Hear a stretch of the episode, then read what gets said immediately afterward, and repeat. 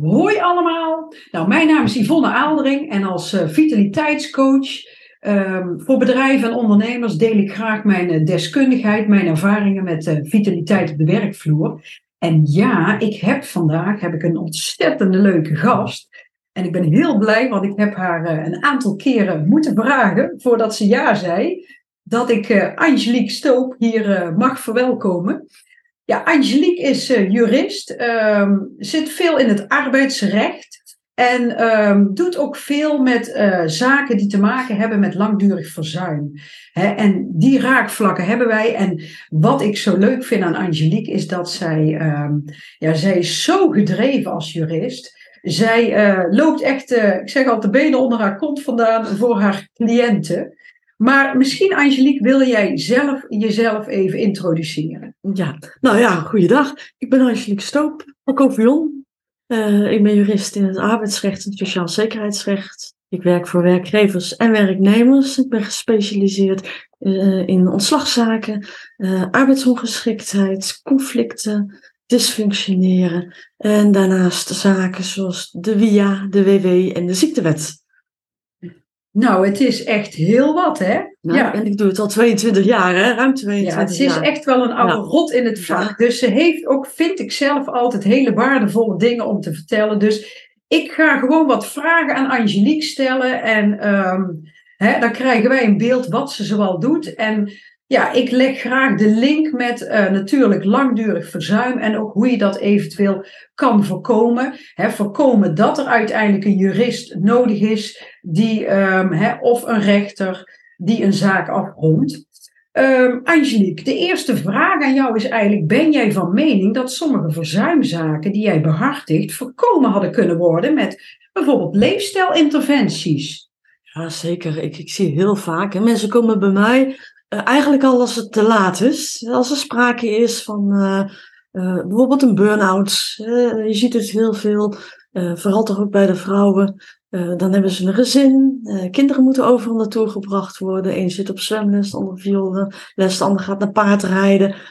daarnaast, ja, de ouders worden ouder, dus je wil ook mantelzorg verlenen. Op een gegeven moment kom je er als het ware ook niet meer onderuit. En dan heb je nog eens een, een baan daarnaast. En als ik in sommige sectoren kijk, bijvoorbeeld de zorg, dan zie je dus dat er een stevig personeelverloop is. Maar ja, er komt ook weinig personeel voor terug. dus de werkdruk is enorm.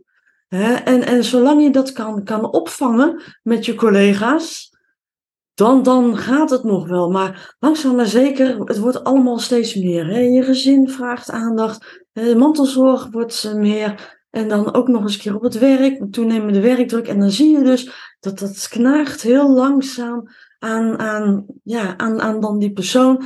En op een gegeven moment uh, ja, wordt dat elastiek zodanig opgerekt. Dat, uh, ja, dan wordt het broos en dan op een gegeven moment elastiek knapt. En dan is het te laat. Hè? En dan heb je te maken met of met een burn-out of, of spanningen, hè, helbuien. Ja, en, en, voordat je dat allemaal weer goed hebt. Hè? Je zit dan gauw in het traject van arbeidsongeschiktheid. Ja. En een, een burn-out, uh, ja, het is geen knop omdraaien, dus je bent er niet nee. zomaar weer uit. Ja, en, en um, stel dat een werkgever dan um, vroegtijdig aan de bel zou trekken, als die signaleert dat iemand uh, ja, toch wel erg belast raakt. Um, en bijvoorbeeld, want ik als leefstijlcoach, ik maak dit natuurlijk in de praktijk ook mee, dat mensen ja, best wel veel werkstress, werkdruk hebben. En um, ik coach mensen daar ook in, want soms zit het voor een deel ook gewoon in je hoofd. Hè? Ik heb wel eens twee medewerkers die beide dezelfde taak verrichten. En de een heeft wel stress en de ander niet. Want um, er komt van alles op je pad. Maar het is natuurlijk aan jou hoe dat je ermee omgaat en wat je ermee doet. En uh, de dingen die je niet kan beïnvloeden, zeg ik wel eens, die moet je accepteren. En als je er wel iets mee kan, ja, dan ga je ermee aan de slag. Ja. Ja, ja, maar vaak is het ook met, met mensen die dus uh, in een situatie komen, bijvoorbeeld met een burn-out, hè, uh, die, die vinden het moeilijk om nee te zeggen. Je komt vaak heel sluimerend in zo'n situatie van je gezin. Hè, stel je voor, je kind wordt op een gegeven moment ernstig ziek, of je man of jezelf.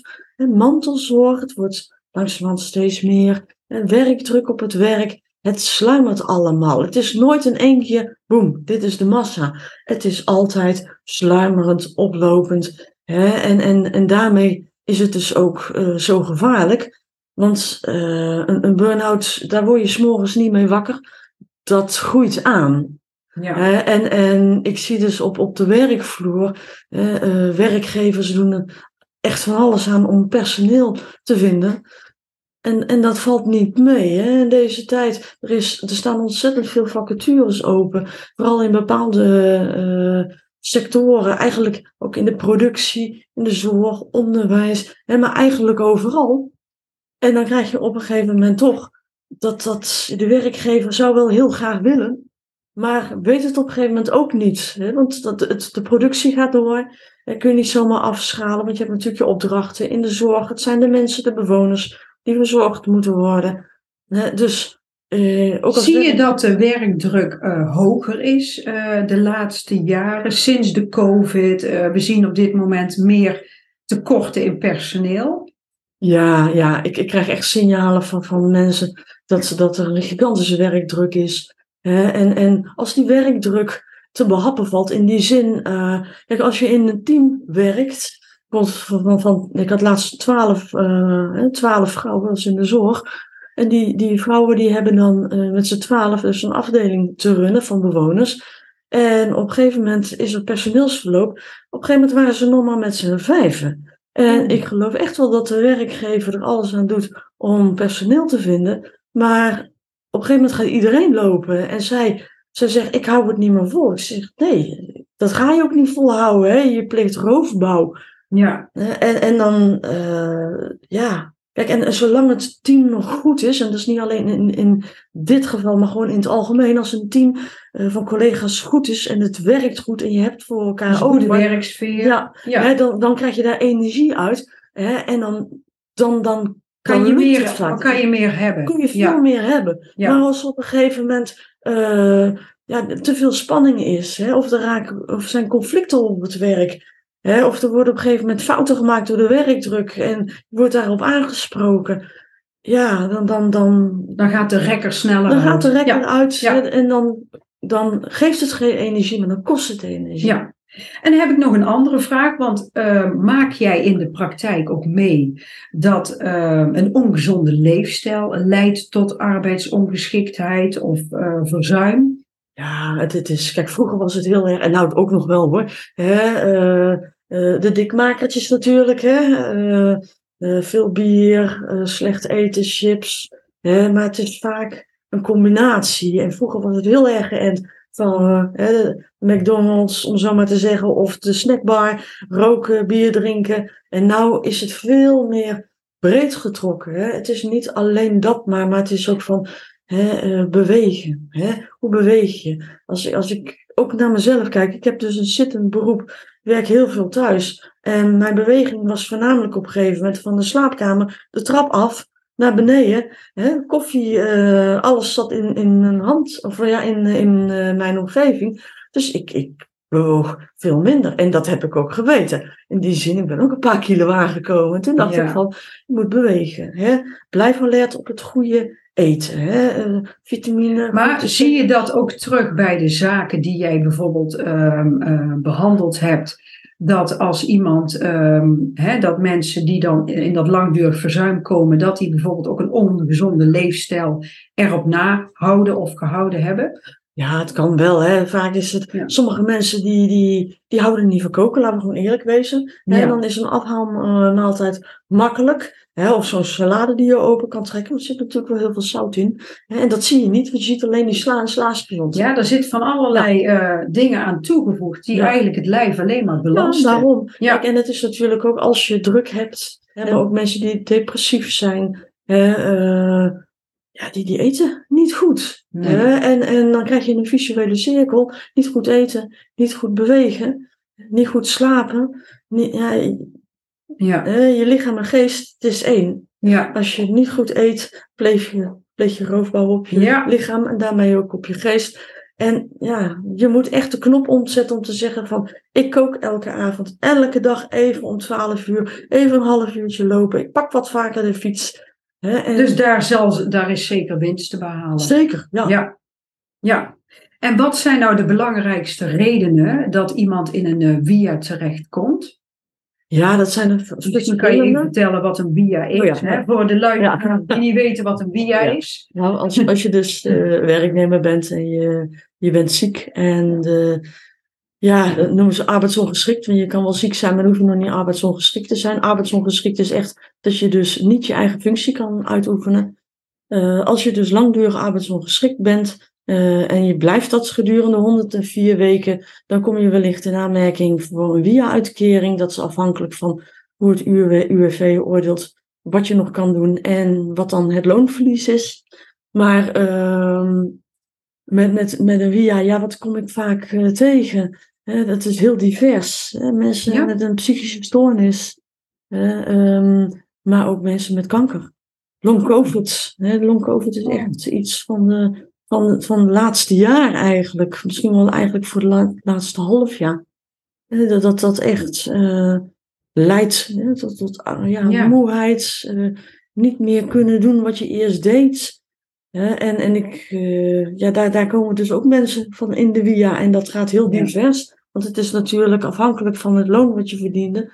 En wat je nog kan. Want niet elke ziekte is hetzelfde. Hè? De ene long covid, de klachten zijn Ja. anders dan van die andere. hè, En ook de, de, de zwaarte ervan. Ja. Ik denk dat sowieso ieder mens eh, uniek is. Ja. Ja.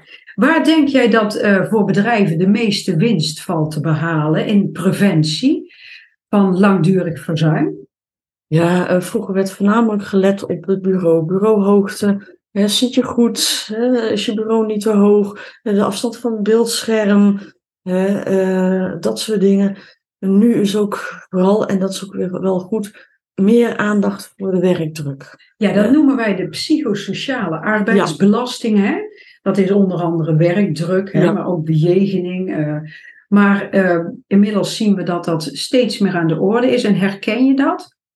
Ja, ik, ik, eh, ik, voorheen had ik eigenlijk nooit zagend, bijvoorbeeld grensoverschrijdend gedrag. ja, En nu, dat valt daar ja, onder. Ja. Nu zijn dat veel meer zaken, hè? want sinds MeToo is, het, is daar meer aandacht voor. En ook wel Ja. omdat mensen eh, durven aan te geven dat eh, de werkgever hun intimideert, pest, hè? of, of eh, Ja. hè, niet meer de handen vanaf kunnen houden. Heel vervelend hè? en Nou. voor, voor, voor, voor iedereen eigenlijk. En, en het is wel goed dat daar nou wel meer aandacht voor is hoor. En, en dan is het ook goed dat de werkgever eh, ook daar het beleid over heeft. Hè? Want het is Ja. wel belangrijk. Beleid is, hoe ga je daarmee om? Hè? Gedragscode, waar Ja. kan iemand zich melden? Hè? En ook de verplichting aan de werkgever om dan zo'n melding eh, op te pakken. En natuurlijk het preventieve beleid van hoe gaan we met elkaar om in een Ja. organisatie. Hè? En dat beschrijf je. En het lijkt allemaal heel vanzelfsprekend. Maar, maar dat is het niet. Nee. Hè, Niks is Gelukkig wordt daar nu ook wel wat meer aandacht in, eh, aan besteed middels de RI, hè, de risico-inventarisatieanalyse. Ja. Hè, dat zie ik ook bij bedrijven. Dus dat is wel heel fijn. Want dit zijn ook dingen, als jij inderdaad daar een beleid op hebt en eh, afspraken over hoe dat je met elkaar omgaat, Ja. daarmee voorkom je eigenlijk al heel veel. Ja. En dat is ook een stukje preventie. Ja, kijk, en, en wat Ja. ook een, een stukje preventie is van, eh, ik had gisteren iemand die ging naar een eh, bedrijf toe hè, voor zo'n risico-inventarisatie en evaluatiebeleid. en toen zei ik tegen hem, nou vergeet het, hè, het beleid niet omtrent drugsgebruik en alcoholgebruik. Ja. Hè, want ook dat is, eh, ja, hè, we lezen veel voor lachgas, alcohol en drugs. Maar er zijn ook heel veel werknemers. Hè, vooral toch wel jongeren. Ik wil zeker niet zeggen dat het allemaal jongeren zijn. Hè, maar het is toch wel, Ja. ze gaan uit, ze nemen een pilletje, ze drinken net, net een beetje te Het veel. komt steeds meer voor. Het is Ja. zo gewoon eigenlijk. Hè? Ja. Het, het- je hoort dat er op middelbare scholen zelfs al drugs verhandeld worden. Ja, ik vind het zelf heel vergaand. Ja, Hè? Maar ehm, je krijgt er als werkgever ook steeds meer mee te maken. En daar zul je ook echt duidelijk in moeten zijn waar je grenzen liggen. Ja, ook, want het is niet zelden dat dus die medewerker uh, s maandags weer op de werkvloer komt, nog onder invloed van het een en het ander, maar wel een, een, een gevaarlijke machine uh, hanteert. Hè? Ja. Met collega's of voor zichzelf. Kijk, en voor zo'n werkgever is het natuurlijk wel heel belangrijk uh, om, om oog te hebben, ook voor dat soort dingen. Hè? Want het Ja. is wel als werkgever, ja, als, als iemand ziek wordt, hè, als uitvalt, uh, de eerste twee jaar loon doorbetalen, is voor eigen rekening. En Ja, is, misschien uh, kan je daar wat meer over vertellen. Ik denk dat dat ook heel interessant is en heel belangrijk om te weten. Wat zijn nou de risico's als iemand uh, langdurig verzuim heeft? Hè, wat zijn eventueel, hè, waar kan je wat meer vertellen over uh, de kosten van langdurig verzuim of loonsancties? Um, hè? Ja. ja, ik denk dat dat ook heel, uh, heel interessant is. Ja, nou vanaf het moment dus dat een uh, werknemer zich ziek meldt, is het voor een werkgever belang om dus uh, daar bovenop te zitten. En dan bedoel ik niet door dagelijks te bellen of iemand al kan werken, want dat werkt doorgaans niet. Nee. Maar wel om te kijken van nou, wat zou je eventueel wel kunnen, want dat mag de werkgever wel vragen. Hij mag niet naar de medische aspecten kijken uh, of vragen, maar hij mag wel vragen van goh, wat kun je dan wel? Hè? Maar vooral, uh, dus er is nogal wat er zijn nog wat verplichtingen uit uh, ja. op grond van. Ik vind het wel leuk tussendoor, even als ik jou mag interromperen om te vernoemen. Ik heb ook een podcast opgenomen uh, over uh, het verzuim, of ja, eigenlijk over het gesprek als iemand zich ziek meldt. En daar leg ik ook in uit dat je, wat je wel mag vragen en wat niet. Hè, daar even tussendoor. Ja. ja. nou, dat is zeker wel belangrijk om te, ja. om te weten. Hè? Maar uh, op grond van de wet heb je verplichtingen, zowel als werknemer als werkgever. Hè? Uh, de initiatief ligt vooral bij de werkgever. Hè? Maar werknemer moet uh, instemmen met redelijke voorschriften. Ja. En dat gaat voor beide partijen best wel, best wel ver. En maar je moet bijvoorbeeld een probleemanalyse opstellen, plan van aanpak. Je moet een dossier op gaan bouwen, gesprekken voeren. Om te kijken van nou, wat is er? En, en hoe gaan we daarmee om? Hè? De bedrijfsarts moet ingeschakeld worden om te kijken van, is iemand natuurlijk arbeidsongeschikt? Want dat is alleen aan de bedrijfsarts om te beoordelen. Hè? Dus als de werkgever bijvoorbeeld twijfelt van, ja, hè, is mijn werknemer wel ziek? Wat je dan wel eens krijgt dat de werkgever zegt, jij bent helemaal niet ziek, ik wil dat je gewoon komt. En alle dagen dat je niet komt, wordt dan verlof afgetrokken. Nou, dat, dat gaat natuurlijk niet zo als je twijfelt. Dan schakel je de bedrijfsarts ja, gelijk ja. in. Dat is een deskundige. Ja, ja zeker. Maar het is natuurlijk ondertussen als iemand niet kan werken of zijn eigen functie niet kan doen, je moet wel het loon doorbetalen. Hè? En dat is niet alleen het bruto loon, het zijn ook al die premies en de afdrachten die je doet. Ja. En, ja, en de pensioenpremies. Maar je krijgt er dan, uh, om het helemaal zo goed te zeggen, je krijgt er niks voor terug. Alleen Ja. de medewerker die niet kan werken. Hè? En, en Ja. dat kost veel geld. En soms moet je nog vervanging regelen en dan heb je eigenlijk dubbele kosten. Zeker, hè, want Ja. dan, dan het, het werk moet doorgaans wel gedaan eh, worden. Ja, Eh, nou, die, eh, als een medewerker niet terugkeert op de werkvloer, je moet wel voor 104 weken het loon doorbetalen. En, en daarna dus eh, is het van belang, hè, want dan gaat het UWV kijken, als de werknemer een, een aanvraag heeft gedaan voor de WIA, dan gaat het UWV kijken of de werkgever hè, voldoende heeft gedaan in het kader van de reïntegratie. ah, ja. En dat komt heel erg nauw. Daarom die verplichtingen die dus, dat is de wet verbetering poortwachten, hè, die, eh, die wet die kent heel veel verplichtingen. Eh, en ook termijnen waarbinnen dus die verplichtingen moeten worden ja, voldaan. Doe je dat niet of in, voldoende ma- in onvoldoende mate, dan krijg je als werkgever een loonsanctie. Oh, zo. Hè? Ja, en dat betekent dus dat je voor een periode van maximaal 12 maanden nog, nog eens een keer dat loon door kan betalen. Oh, Dan zit je met drie jaar eh, loondoorbetaling. Ben je eigen risicodrager, hè, daar kun je voor kiezen als werkgever, dat je dus eigen risicodrager bent eh, voor WIA in de, in de ziektewet. Dat betekent dus dat je dus eh, de, het, zelf het risico neemt en de premies die van het loon wordt afgehouden eh, om door te eh, sluizen naar het UWV, eh, die, die worden wel geïnd op het loon, maar die worden niet doorgesluist door het UWV. En dat betekent dus dat dus de werkgever eh, eventuele eh via-uitkering zelf moet betalen. zo. Ja, en dat gaat. Dat eh, tikt snel, hè? en dan voor een periode van maximaal 10 jaar. Wow. Tenzij er dus sprake is van een IVA-uitkering, maar dat, dat is niet zo heel vaak. Hè, maar eh, ja, Hmm. maximaal 10 jaar nog eens een keer de via doorbetalen. Plus nog natuurlijk de reïntegratieverplichting die je daarbij hebt. Ja, dat, dat is gewoon... Jeetje, eh, dus ehm, als ik jou zo begrijp, dan is het best wel wat waard om eerder, in een eerder stadium, al eh, met dingen aan de slag te gaan. ja, ja. Een stukje preventie, als Zeker. dat mogelijk is. Preventie, Ja. Eh, En anders op een hele juiste manier met zo'n ehm, met zo'n eh, dossier omgaan, ja, zodat je in ieder geval niet nog extra eh, sancties tegemoet kan zien. ja, daarom, kijk, werkgever, het is erg belangrijk. Hè, eh, als werknemer van trek aan de bel. Hè, want het is, het is geen schande om aan te geven dat de boog te gespannen staat. Of te lang al gespannen staat. Hè, geef aan wat, wat er is. Blijf met elkaar in gesprek. Hè. Communicatie is alles. Hè. En, en, en eh, geef ook aan als je, als je bepaalde dingen niet meer kan. Ook als je fysieke beperkingen hebt, durf dat aan te geven. Want je hebt er zelf ook baat bij. Ja, Daarnaast is het eh, natuurlijk zo dat je ook, eh, als het dan gaat over als werkgever, van hou je personeel in de gaten. Hè? Zorg ook voor ontspannen dingen. Doe eens wat leuks. Hè? Eh, trakteer een keer. eh, uit je waardering. En Ja. zorg dat, eh, kijk, een keer een piekbelasting is niet erg. Maar als je dus als werkgever toch ook wel realiseert van die piekbelasting duurt nou al maanden, dan moet je ook begrijpen dat het op een gegeven moment niet meer gaat. En het is heel makkelijk voor mij om dan te zeggen, werkgever, doe er wat aan. Die werkgever zegt, ja, wat dan? Want maar misschien kun je bepaalde processen uitbesteden. En misschien kan er toch nog iemand bij. Eh, misschien is Ja. iemand die parttime werkt bereid om meer uren te werken. Hè? Ja, men zegt al heel gauw, is mijn ervaring ook bij bedrijven, dat er niks mogelijk is. Maar ik zeg altijd, er zijn altijd meerdere keuzes. Ja. Hè? En soms is het wel eens fijn om hè, iemand mee te laten denken in allerlei mogelijkheden. Maar goed, ik wil eh, naar een eh, afsluiting. En ehm, ik denk dat, je, hè, dat we al heel veel nuttige informatie gehoord hebben.